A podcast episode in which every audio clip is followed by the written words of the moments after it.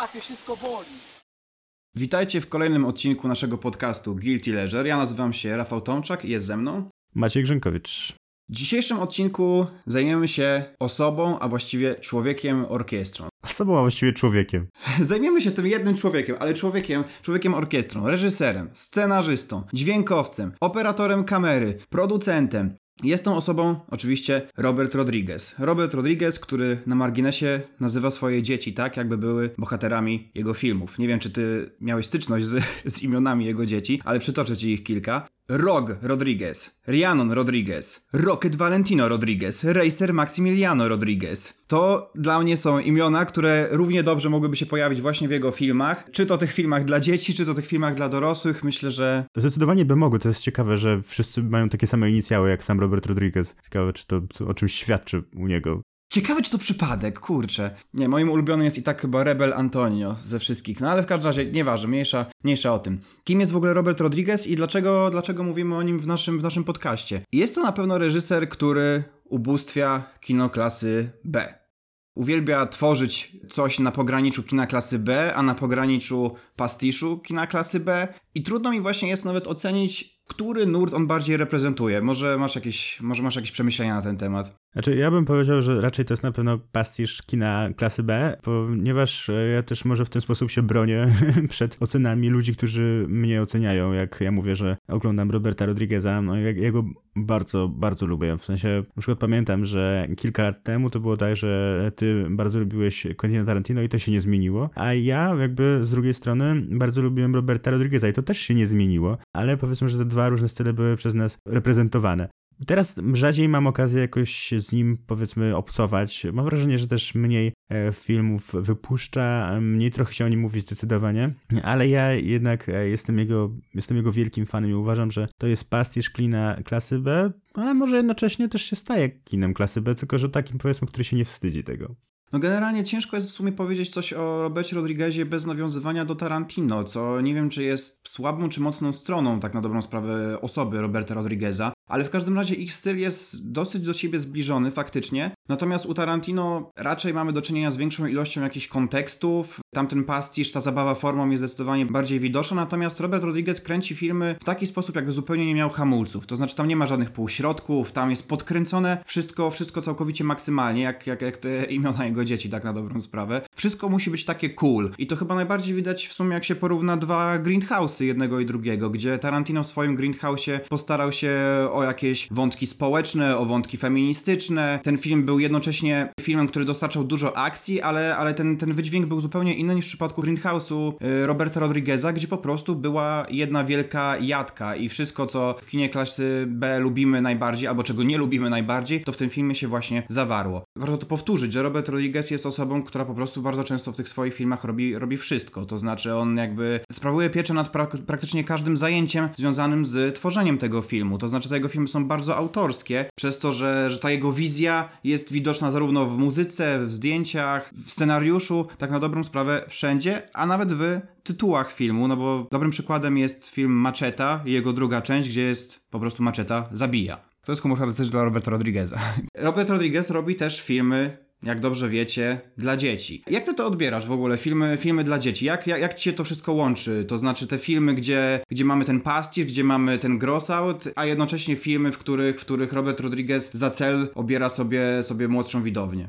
Właśnie ja mam wrażenie, że te momenty, kiedy właściwie te filmy, w których Rodriguez obiera sobie za cel młodszą widownię, to jest jakieś takie chyba spełnienie e, Roberta Rodrigueza po całości, ponieważ o ile robiąc te filmy powiedzmy dla dorosłych, no to musi jakoś mniej lub więcej trzymać się konwencji, jakoś e, tak, żeby zadowolić tę publiczność, która oczywiście będzie wymagająca, e, ale jakby powiedzmy też nie w dobrym tego słowa znaczeniu, tylko że wymagająca, ponieważ będzie się spodziewała czegoś konkretnego w jakiejś konwencji i tym podobne. Natomiast mam wrażenie, że kiedy tworzy filmy dla dzieci, jego wyobraźnia jest tak zupełnie nieskrępowana, że to jest taki najprawdziwszy Robert Rodriguez. I ja w ogóle, jeśli chodzi o filmy dla dzieci, to mam wrażenie, że Mali Agenci to był jeden z filmów, który mnie chyba najbardziej ukształtował w dzieciństwie, autentycznie, cała seria powiedzmy. I sp sprawiła, że bardzo chciałem być szpiegiem przez pierwsze kilka lat szkoły podstawowej, co się nie stało, a, ale niemniej bardzo, bardzo chciałem i jakby to całe imaginarium tego świata małych agentów bardzo na mnie wpłynęło. Potem jak oglądałem kilkanaście lat później jeszcze raz, to cały czas czułem jakieś takie ukucie, kiedy widziałem chociażby te twarze modelowane z plasteliny czy, czy czegoś podobnego i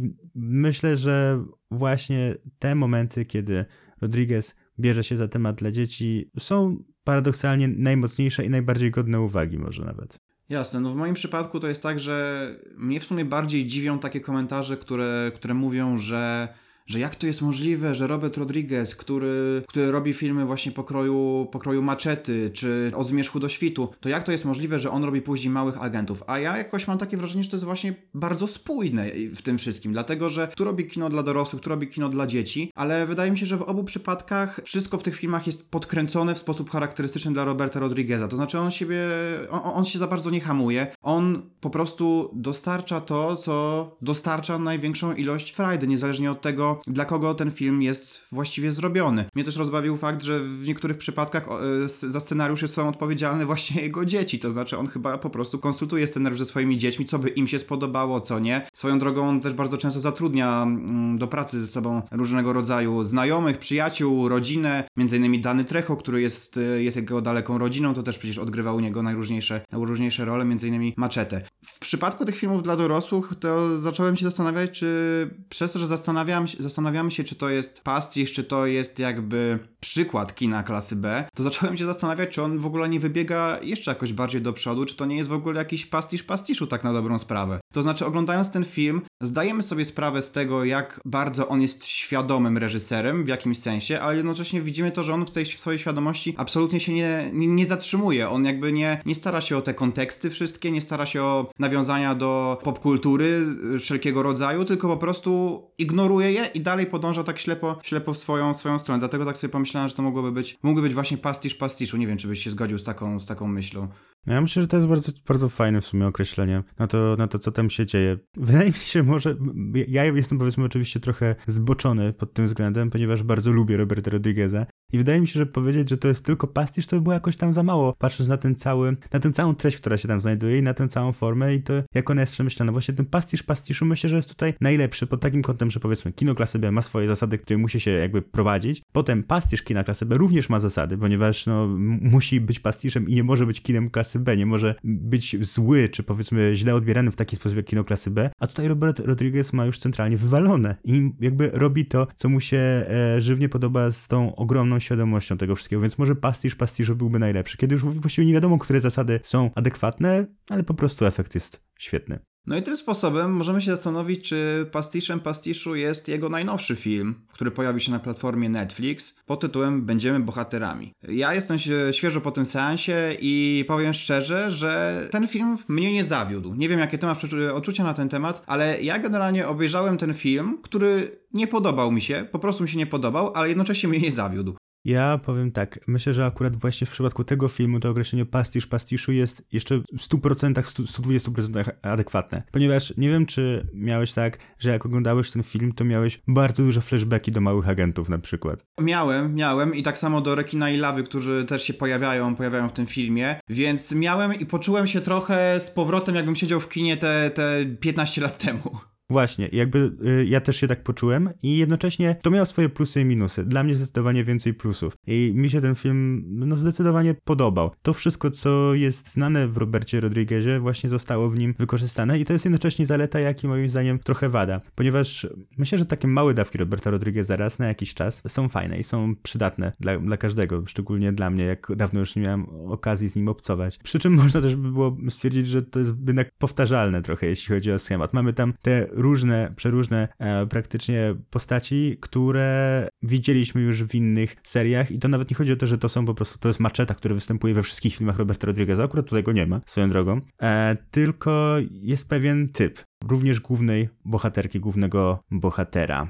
Jeżeli chodzi o samych bohaterów, to w sumie dosyć szybko mamy do czynienia też, też z ekspozycją, ekspozycją bohaterów, gdzie tak na dobrą sprawę dowiadujemy się, kim jest dany bohater przez to, jak się, jak się nazywa. Oprócz tego mamy do czynienia z przystępną dosyć narracją z OFU, za którą ja akurat osobiście, osobiście nie przepadam, ale, ale wiem, że w przypadku czy młodszych widzów, czy po prostu niektórych widzów to się może jak najbardziej sprawdzić. Sami bohaterowie są dosyć jednowymiarowi, ale w sumie czy oczekiwalibyśmy od nich, od nich więcej, też nie, nie, wydaje mi się, ale w każdym razie każdego bohatera definiuje to, jaką ma moc i powiedzmy jakaś jedna, jedna cecha charakteru. Co ciekawe, u mnie bardzo dużą, dużą uwagę skupiło to, jak ci bohaterowie po prostu wyglądają. Mianowicie oni mają takie stroje, które, takie miałem przemyślenie w trakcie, w trakcie oglądania, takie stroje, które sugerują, że ten film kosztował jednocześnie dużo i mało. One są dosyć kiczowate i autentycznie ciężko mi jest powiedzieć, ile pieniędzy zostało przeznaczonych właśnie na kostiumy i tak samo na efekty specjalne, które momentami po prostu nie, nie dojeżdżają.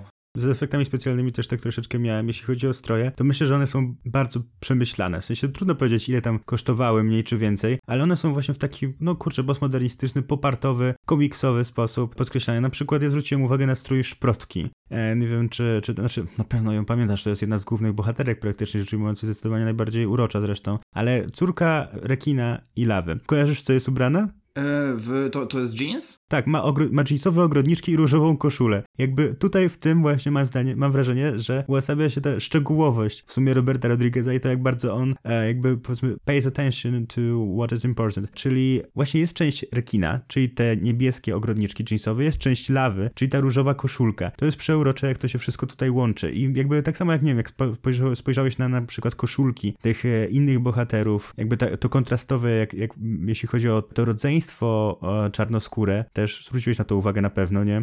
To jak można powiedzieć, że każdy aspekt relacji tych bohaterów przekłada się na powiedzmy wiele innych również aspektów właśnie jeśli chodzi o wizualia czy coś w tym stylu, że to nie jest coś takiego naturalistycznego, zdecydowanie, to jest jak najdalsze od naturalizmu, to jest wręcz uderzające prosto w twarz tym, jak bardzo to jest oczywiste. I może dlatego właśnie też można by było powiedzieć, że to jest trochę kiczowate, ponieważ tutaj nie ma, nie ma miejsca na jakieś wątpliwości co do natury relacji e, tych osób. No i może dlatego to może być uznane jako guilty pleasure właśnie ten film również. Tak, no tutaj jest, jest jakaś, e, jest takie poczucie pewnej sztuczności, ale poczucie sztuczności, w które my w sumie wchodzimy i przystajemy na taką konwencję. To znaczy rażą nas pewne rzeczy, ale zdajemy sobie sprawę z tego, że po pierwsze jest to film po prostu skierowany do młodszej publiki, a po drugie, że jest to właśnie film przede wszystkim Roberta, Roberta Rodrigueza, który, który tak definiuje swoich bohaterów poprzez właśnie jakąś jedną cechę, która współgra z kostiumem, który przechodziewa dany bohater czy bohaterka. Mnie rozbawiło w ogóle w tej,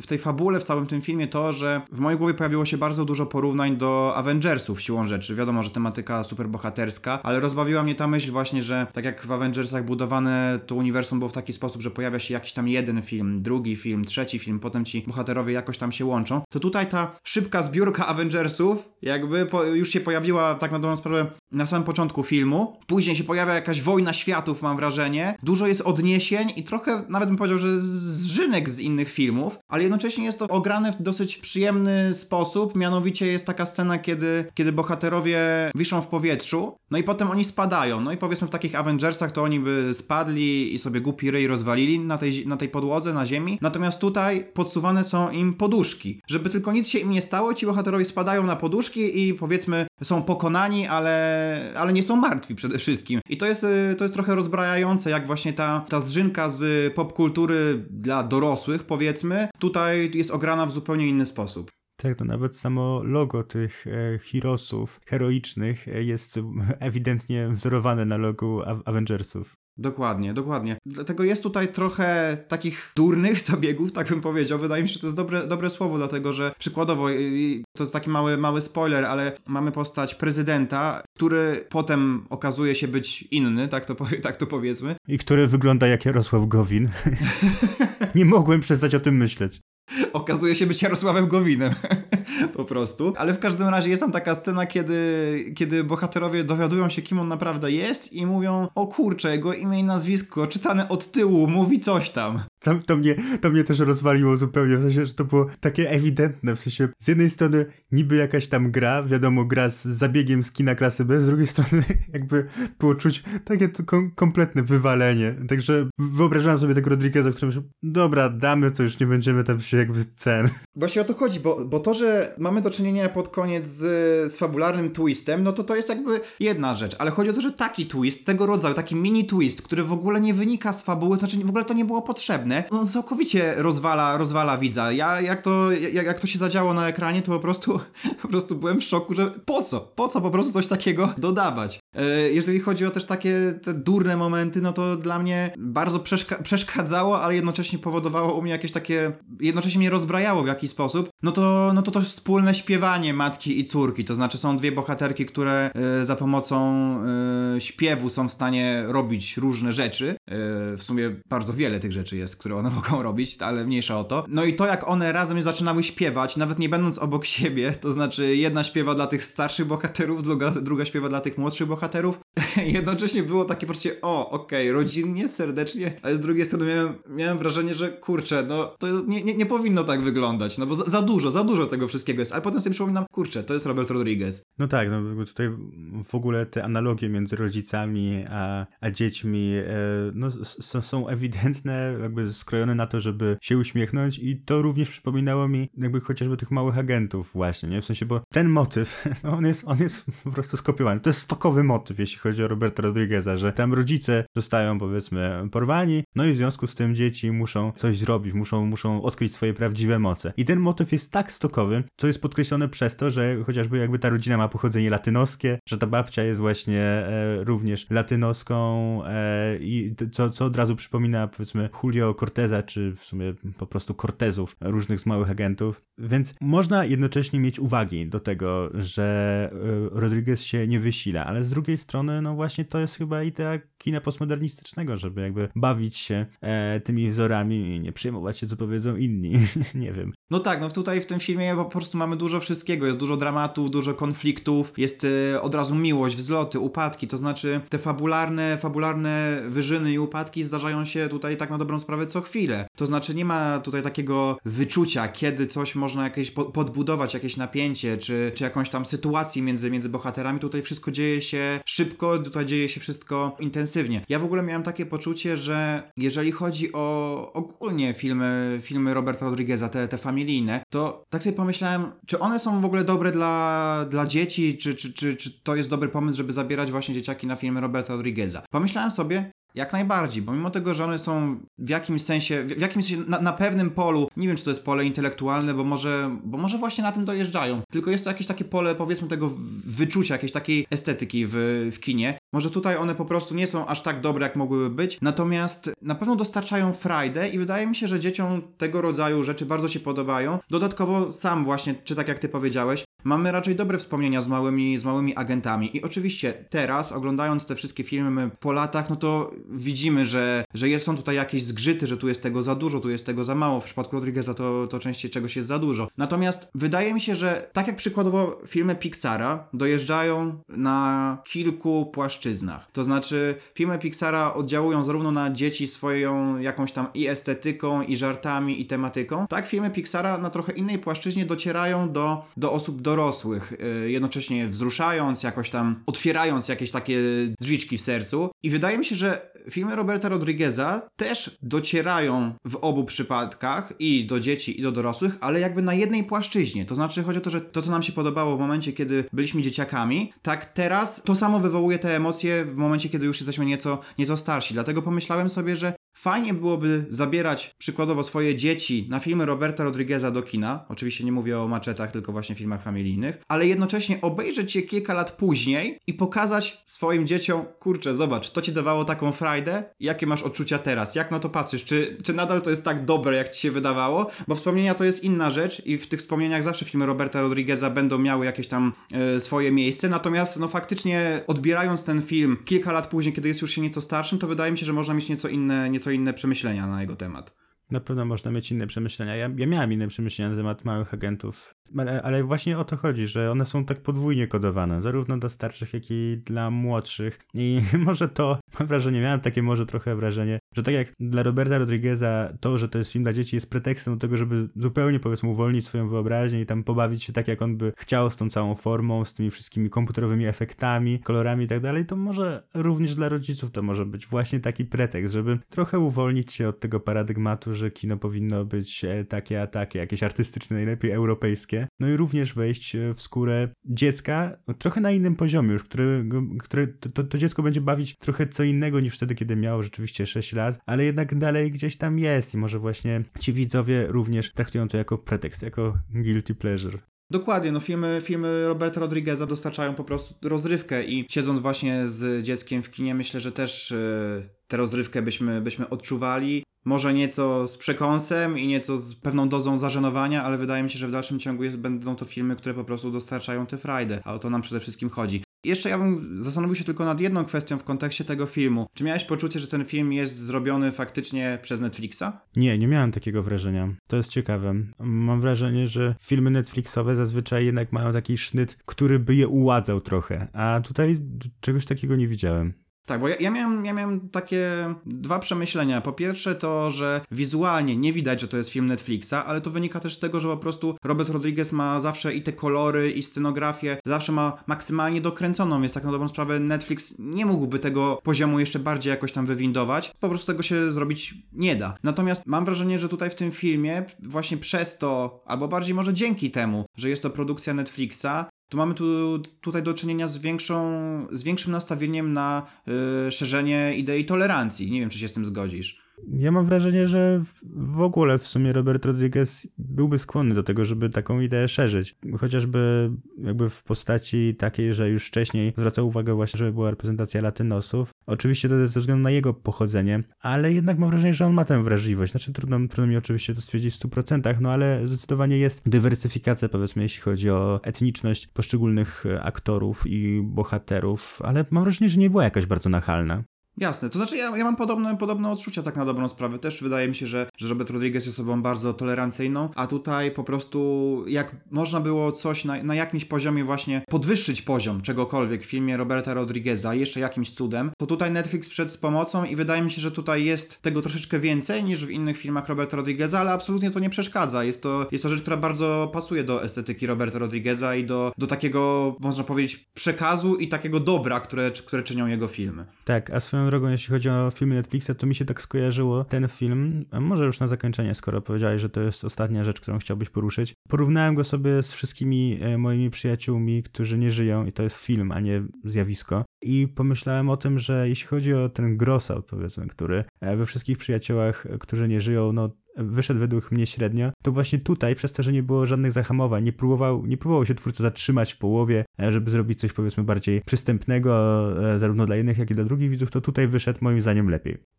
Ja się w sumie zgadzam, tak naprawdę. Jeszcze tak nawiązując też do tego, co powiedziałeś, to tam w filmie pojawia się taki, taki cytat, jak jest otwarcie jakiegoś budynku i ten budynek zostaje rozwalony przez coś całkowicie. No i tam prezenterka zwraca się wtedy do, do widowni i mówi, że no cóż, no ta budowla była droga, ale ekscytująca. No i mam wrażenie, że nie wiem, czy filmy Roberta Rodrigueza są specjalnie drogie, ale w jakimś sensie drogie, jeżeli chodzi o, o, o formę i o wyraz, no i po prostu są ekscytujące.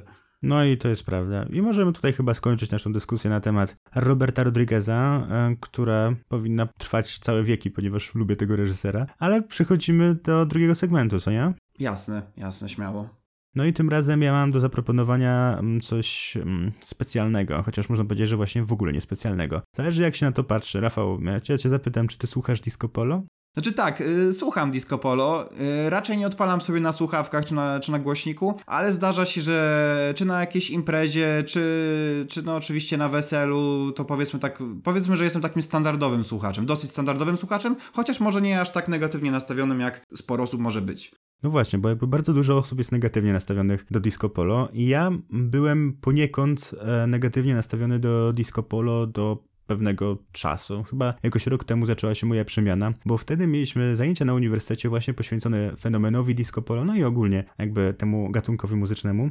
I ja stwierdziłem, okej, dobra, skoro mamy e, się nad tym zastanawiać, to ja sobie posłucham. No jechałem autobusem e, w słuchawkach, skitrany i tak jakby zasłaniałem trochę ekran, żeby nie było widać, co sobie puszczam, ale puszczałem sobie właśnie piosenki akcentu. I kiedy tak sobie jechałem i ich słuchałem, to ja stwierdziłem, Boże mój, przecież te piosenki, one są zupełnie jakby normalne. W sensie, tak powiedzmy inaczej. One są piosenkami, których nie powstydziłby się kompozytor przedwojenny.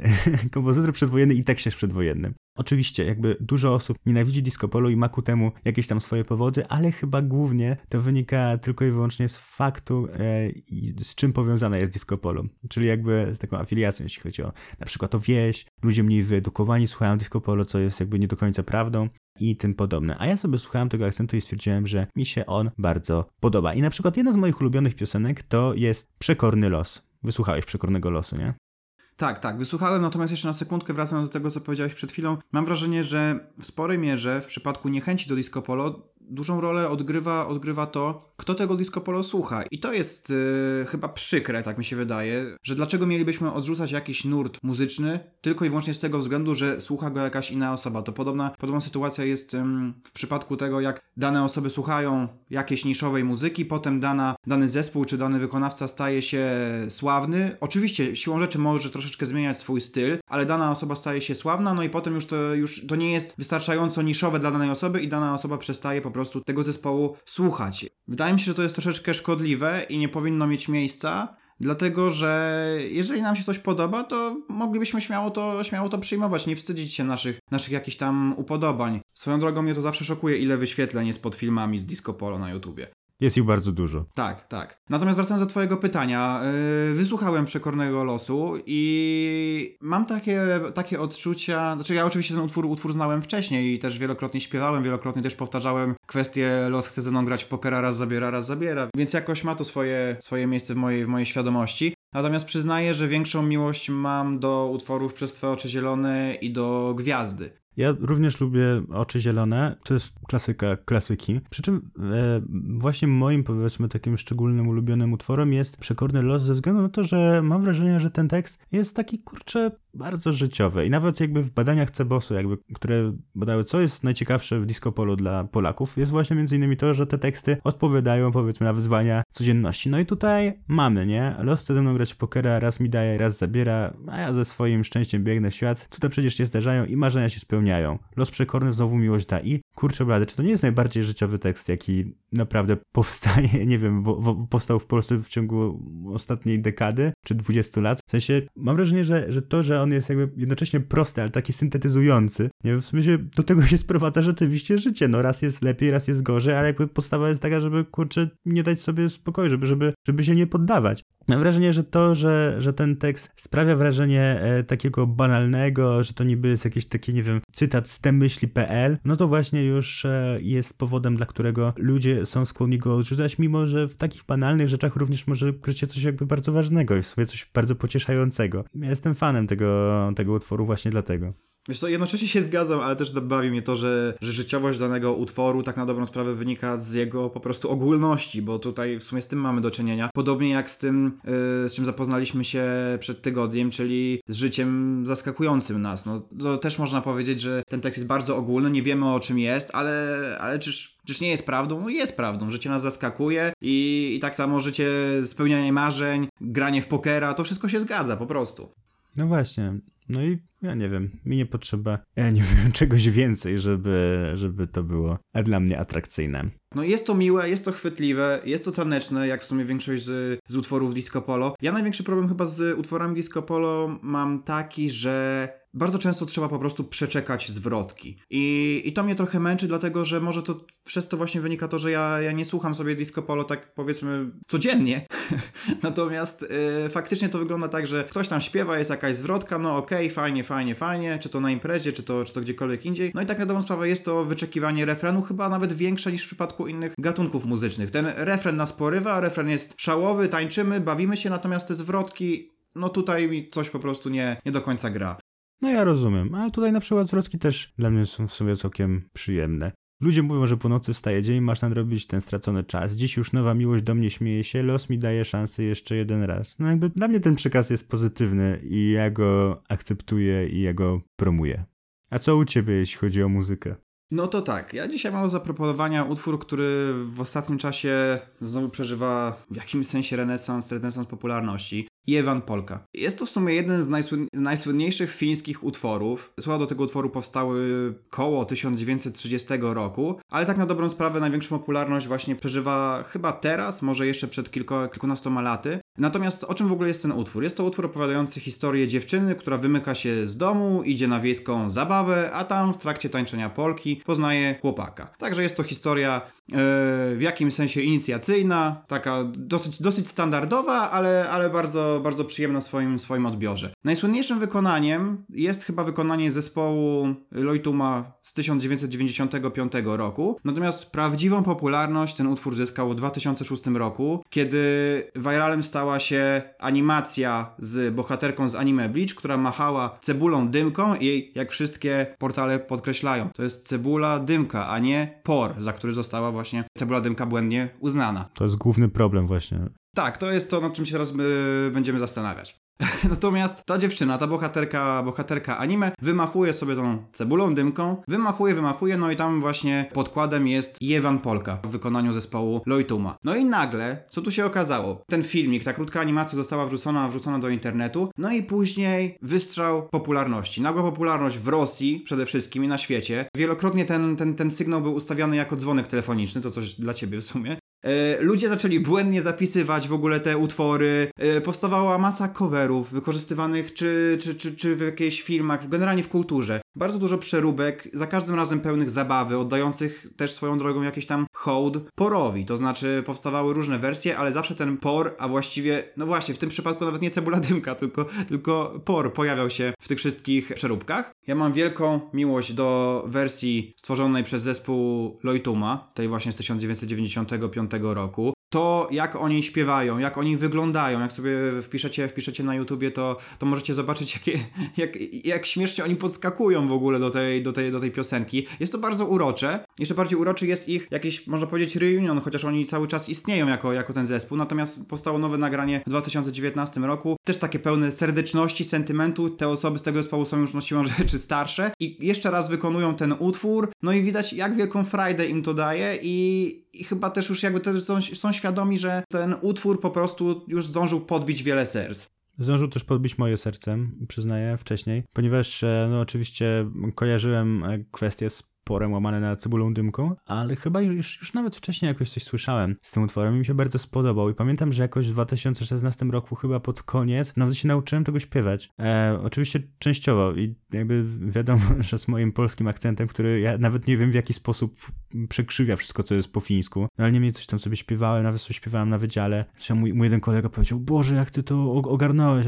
Generalnie nie rozumiem nic, nie? W sensie to wystarczy przeczytać w sumie, e, ale również bardzo mi się to podoba, w sensie bardzo skoczne. Tak, takie ludowe i w sumie, w sumie może trochę pokrewne do disco polo, jeśli chodzi o tę ludowość. Tak na pewną sprawę wydaje mi się, że wszystkie utwory, które później powstały, czyli Dolly Song w wykonaniu, w wykonaniu Holly Dolly, czy 2K18, czyli taki klubowy, rodzinny, rodzinny remix. Do tych wszystkich utworów, do tych wszystkich remixów na pewno się fajnie tańczy, na pewno się można dobrze bawić, natomiast wydaje mi się, że ta wersja właśnie z 95 roku jest taką, która przesyła do nas największą ilość, na, znaczy naj, największą, największą serdeczność, największą frajdę. Co ciekawe, tak jak mówili, mówili członkowie zespołu, nie spodziewali się zupełnie tej popularności. No, siłą rzeczy czy w ogóle nawet nie wiedzieli tak na dobrą sprawę, że powstała jakaś faszowa animacja, yy, która wykorzystała ich utwór. Po prostu zobaczyli w pewnym momencie, że na ich kanałach yy, na YouTubie nagle pojawił się wzrost, wzrost wyświetleń, wzrost lajków i po prostu ten utwór zaczął być wykorzystywany praktycznie wszędzie. Potem ta cała sytuacja nieco ucichła, no i teraz, tak na dobrą sprawę, po znowu kilku latach, ten utwór troszeczkę do nas wrócił. Mianowicie dzięki Bilalowi Goregenowi, który w filmiku siedzi na ławce i uderza w bębenek i po prostu z taką wielką pasją też wykonuje ten utwór. Potem się pojawiły kolejne memy, Vibing Cat i tak dalej, i tak dalej. I ten utwór znowu przeżywa. Rzadko się zdarza tak, żeby dany utwór czy, czy, czy jakiś mem przeżył taką drugą młodość w internecie. To natomiast teraz się na naszych oczach dzieje i ta pioseneczka z jednej strony może denerwować niektóre osoby, ale u mnie powoduje za każdym razem śmiech, powoduje takie bujanie i niezależnie czy, czy będzie to osoba grająca na bębenku na, na ławeczce, czy to będzie zespół, który zabawnie podskakuje podczas wykonywania tego, tego utworu, to ja będę czerpał z tego ogromną, ogromną rozrywkę. Ja również mam podobne odczucia co do tego utworu i również będę e, przy nim się zawsze cieszył. Podskakiwał. Nie wiem, czy podskakiwał, w sensie będę się cieszył, nie? Okej, okay, ja będę, ja będę. No dobra, ja nie wiem, czy będę miał energię, żeby podskakiwać, ponieważ nasz trzeci segment dotyczący naszego guilty pleasure, czyli rzeczy z codzienności, dotyczy napojów, które posiadają cukier i słodzik. Otóż e, powiem ci szczerze, że ja wiem, że ty jakby takich napojów raczej e, nie pijesz. I ja powiem, że ja raczej też w sumie nie piję ich jakoś mega często, ale od kiedy e, przyjeżdżam do Gabrysi częściej, no to tak jakoś się trochę e, rozsmakowałem, powiedzmy, w coli, ponieważ e, u Gabrysi jest często kola. No jakby w związku z tym trochę się przyzwyczaiłem do tego. No i nagle, e, kiedy nadszedł nowy rok i nadeszła opłata cukrowa, to ja sobie pomyślałem, kurczę blade, no i... sobie pomyślałeś, kurczę blade blade. To jest to, co właśnie zaświtało w twojej głowie. Opłata cukrowa, kurczę blade. Właśnie, nie, no to jest to, co zaświtało w mojej głowie, ponieważ to nie było takie, o Boże, co teraz? Tylko raczej, kurczę blade, no co teraz? W sensie, to nie jest tak teraz, że ta kola kosztuje, nie wiem, dwa bitcoiny za litr, nie? W sensie, tak na szczęście nie jest. Kosztuje dwa złote więcej na przykład. Ale jednak to jakoś tak sprawia, że się człowiek zastanawia, czy na pewno chce ją kupić, czy nie, a na pewno już wpływa to na e, po, samopoczucie podczas kupowania. I na przykład, kiedy ja od, ja od tego czasu nie kupiłem żadnego napoju słodzonego, chociaż normalnie by mi się już pewnie zdarzyło. I kiedy go piję, kiedy piję na przykład, ponieważ, nie wiem, Gabrysia przywiezie na przykład, to myślę sobie, okej, okay, teraz nie dość, że to jest niezdrowe, to jeszcze to jest drogie. Więc to jest dla mnie podwójne guilty pleasure. No jednak pleasure, bo potem czuję się całkiem fajnie, ale to też chyba nie jest najlepiej. Skoro czuję się lepiej po napojach słodzonych, to, to chyba źle świadczy o moim sposobie odżywiania się. Wiem, że ty nie jesteś już takim fanem. No, ja przyznaję, że ja jestem jedną z tych osób, która sobie zamawia, wiesz, burgera, burgera z żabki i bierze do tego wodę z jakiegoś powodu. To, to, to wynika czysto z moich upodobań. Nie przepadam za napojami, w szczególności gazowanymi. Natomiast przyznaję, że Liptonek zielony, który przez wiele osób uznawany jest jako jakiś nadnapój, dobry do wszystkiego, również zaskarbił sobie moją sympatię i muszę przyznać, że ten zielony Liptonek polepsza absolutnie każdy posiłek i wydaje mi się, że jest to taka, jest to taki napój, który niezależnie od tego, ile by nie kosztował, czy byśmy jego cenę obliczali w oparciu o bitcoiny, czy kosztowałby nie wiadomo ile, to wydaje mi się, że, że zielonego Liptonka kupowałbym zawsze. Natomiast faktycznie pozostałe napoje, a właściwie wzrost ich cen nie robi na mnie większego wrażenia, poza oczywistymi jakby konotacjami jakoś tam społeczno-ekonomicznymi. Czyli dla ciebie wymarzonym zestawem byłby burger z żabki i zielony e, Lipton. I przypomnienie dla słuchaczy, po recenzji burgerów z żabki zapraszamy do drugiego odcinka naszego podcastu. Jak najbardziej. Zapraszamy i całkowicie się pod tym podpisuję. Te burgerki, te Liptonki to jest coś, co Rafał lubi najbardziej. To jest coś, co Rafał lubi najbardziej i jeśli zostaniecie naszymi patronami, może w końcu dowiemy się, jak długo Rafał opierał swoją dietę na tostach, ponieważ nam jeszcze tego nie zdradził. Nawet mi, ani Filipowi, montażyście, chyba że Filip wie. Ja, ja nie wiem. No tak, jest to tajemnica, do której dostęp jest niezwykle, niezwykle trudno zdobyć, aczkolwiek wszystko przed wami. Wszystko przed wami, a niektóre rzeczy już są też swoją drogą za nami, bo nasz dzisiejszy odcinek skończymy odniesieniem do utworu z pierwszego odcinka, czyli Country Roads Take Me Home. I może pamiętacie, że ten utwór odnosi się bezpośrednio do zachodniej Virginii. Ale jak się okazuje, nie tylko. Ponieważ dzisiaj przeszukiwałem sobie Spotify'a w poszukiwaniu ciekawych piosenek do audycji i znalazłem piosenkę, właściwie to nie było na Spotify, tylko to było jeszcze na forum serbskim pewnym, e, w którym szukałem najciekawszych serbskich piosenek o podróżach. No i potem właśnie wpisałem Spotify'a Sunce Tudiek Neba, w nawiasie Serbio, w wykonaniu Prliawi Inspektor Blarza i Klunowi. I okazało się, że jedną powiedzmy z cenionych, pewnie jakoś tam dosyć niszowo cenionych, ale jednak cenionych piosenek e, podróżniczych na temat Serbii jest właśnie cover Country Roads Take Me Home, e, zaadaptowany na warunki serbskie. I jeśli chcecie e, dowiedzieć się, jak to wyszło, no to zapraszamy na Spotify'a Sunce Tediok Neba, w nawiasie Serbio, Prliawi, Inspektor Blaża i Klunowi. Możecie sobie śmiało to sprawdzić, dlatego że to wykonanie nieco różni się od tych wersji, które proponowaliśmy wam w zeszłych tygodniach, więc śmiało sprawdźcie. Ja miałem takie, takie poczucie, że, że tutaj w ogóle jest jakiś taki gypsy rock w, wkroczył, wkroczył na scenę i takie bardziej jest to takie r- rockowe, rwane, takie też wynikające z jakiejś tam oddolnej pasji, ale w ogóle przekute w inne, w inne wykonanie. Totalnie tak jest, więc e, zapraszamy do przesłuchania. A tymczasem żegnamy się z Państwem. Tak jest, żegnamy się, co, co, nam, co nam więcej pozostało. Żegnamy się, no i zapraszamy na kolejny odcinek, który na pewno się już niedługo ukaże. A jeśli nie, to nie. Nie no, mam nadzieję, że się, że się ukaże, no. Miejmy taką nadzieję, yy, sprawdzajcie nasze media społecznościowe i tam damy wszelkiego rodzaju informacje i zapowiedzi o kolejnych odcinkach. No to w takim razie do usłyszenia. Na razie, cześć. W naszym jinglu usłyszeliście utwór Le Grand Chase w wykonaniu Kevina MacLeoda. Wystąpił w nim oczywiście również Paweł Jumper, a realizował nas Filip Markiewicz.